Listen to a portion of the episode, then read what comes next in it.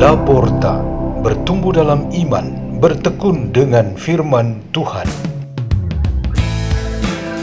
Radio Laporta, pintu terbuka bagimu untuk pertumbuhan pengetahuan dan kebijaksanaan tentang Allah.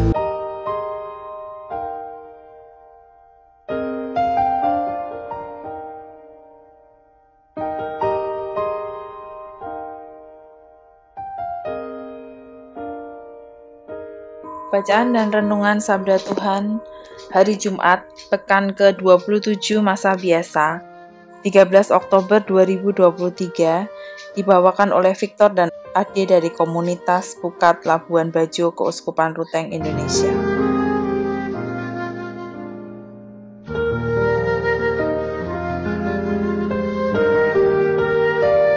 Inilah Injil suci menurut Lukas bab 11 ayat 15 sampai 26. Sekali peristiwa setelah Yesus mengusir setan, ada beberapa orang yang berkata, "Ia mengusir setan dengan kuasa Belzebul, kepala setan." Ada pula yang mencobai dia dan meminta tanda dari surga. Tetapi Yesus mengetahui pikiran mereka, lalu berkata, "Setiap kerajaan yang terpecah-pecah pasti binasa, dan setiap rumah tangga yang terpecah-pecah pasti runtuh." Jika iblis juga terbagi-bagi dan melawan dirinya sendiri, Bagaimana mungkin kerajaannya dapat bertahan? Sebab kalian berkata bahwa aku mengusir setan dengan kuasa Belzebul. Jadi, jika aku mengusir setan dengan kuasa Belzebul, dengan kuasa apakah pengikut-pengikutmu mengusir setan? Sebab itu, merekalah yang akan menjadi hakimmu. Tetapi jika aku mengusir setan dengan kuasa Allah, maka sesungguhnya kerajaan Allah sudah datang kepadamu. Apabila seorang yang kuat dan bersenjata lengkap menjaga rumahnya, amanlah segala miliknya. Tetapi jika seorang yang lebih kuat daripadanya menyerang dan mengalahkannya, maka orang itu akan merampas perlengkapan senjata yang diandalkannya dan akan membagi-bagikan rampasannya. Barang siapa tidak bersama aku, ia melawan daku, dan barang siapa tidak mengumpulkan bersama aku, ia mencerai-beraikan. Apabila roh jahat keluar dari manusia, ia mengembara ke tempat-tempat yang tandus mencari perhentian dan karena tidak mendapatnya, ia berkata, Aku akan kembali ke rumah yang telah kutinggalkan itu.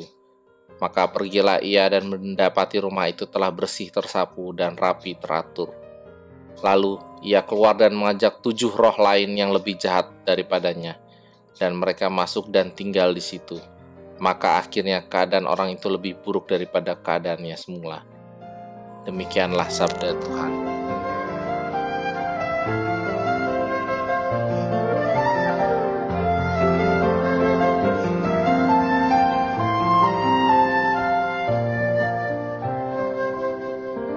Renungan kita pada hari ini bertema Berani Hadapi Setan.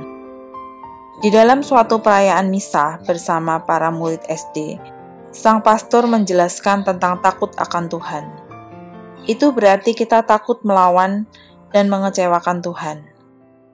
Seorang anak yang baru saja menerima komuni pertama mengangkat tangan dan berkata, "Kita harus takut kepada Tuhan, tetapi jangan takut hadapi setan." Seruan anak SD ini menjadi satu inspirasi bagi kita. Takut akan seseorang atau sesuatu dapat mengandung arti, ada sesuatu yang diharapkan darinya.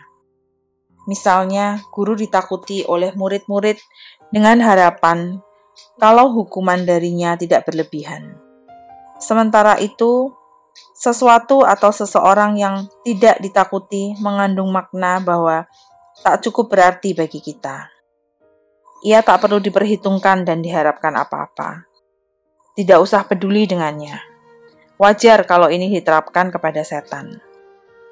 Setan sesungguhnya jangan membuat kita takut. Untuk mendukung seruan anak tadi, paling kurang ada dua pendasaran kita. Pertama, say no to Satan. Katakanlah tidak pada setan. Berarti menolak dia karena tak ada yang dapat diharapkan dari dia. Tak usah peduli dengan setan. Sama saja dengan tidak memberikan dia kesempatan atau peluang untuk menguasai kita. Hasilnya ialah kita memutuskan untuk meninggalkan dosa dan segala pengaruh setan, lalu memilih masuk ke dalam rumah Tuhan. Ini yang dimaklumkan oleh Nabi Yoel dalam bacaan pertama. Kedua, say yes to Jesus. Katakanlah ya pada Yesus. Diungkapkan secara negatif kalau kita bersikap takut kepadanya, setiap kali dalam cobaan untuk menyimpang dari jalan dan terangnya. Kita merasa sampai hati kalau sengaja melawan perintah-perintah dan ajaran Yesus, yang berarti bahwa kita memilih untuk mengatakan yes to setan. Yesus berkata dalam Injil hari ini, "Jika kita tidak bersama Dia, berarti kita melawan Dia." Secara positif, dalam mengatakan "ya" kepada Yesus, kalau kita selalu mengutamakan pikiran, perasaan, kehendak, dan cinta, dan cita rasa yang positif, disertai dengan kegembiraan, pengharapan, dan optimisme. Aspek rohani ini memang harus kuat, yang tentu membuat raga kita juga mampu bertahan, sehingga kita mampu hadapi setan. Yesus digambarkan dalam Injil sungguh kuat jasmani dan rohani, sehingga menampilkan diri dalam kata-kata, sikap, keyakinan, dan semangat yang sungguh membuat setan tidak bisa berkutik. Yesus sudah memberikan kemampuan ini kepada kita. Semoga kita sebagai pribadi dan komunitas semakin mampu dan berani menghadapi setan. Marilah kita berdoa. Dalam nama Bapa dan Putra dan Roh Kudus. Amin. Ya Allah Maha Kuasa, perkuatkan kami untuk memiliki keberanian dan kekuatan Yesus Kristus dalam menghadapi kuasa setan dan segala pengaruhnya yang jahat. Kemuliaan kepada Bapa, Putra dan Roh Kudus.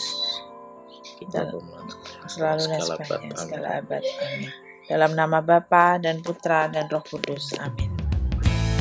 Radio Laporta, pintu terbuka bagi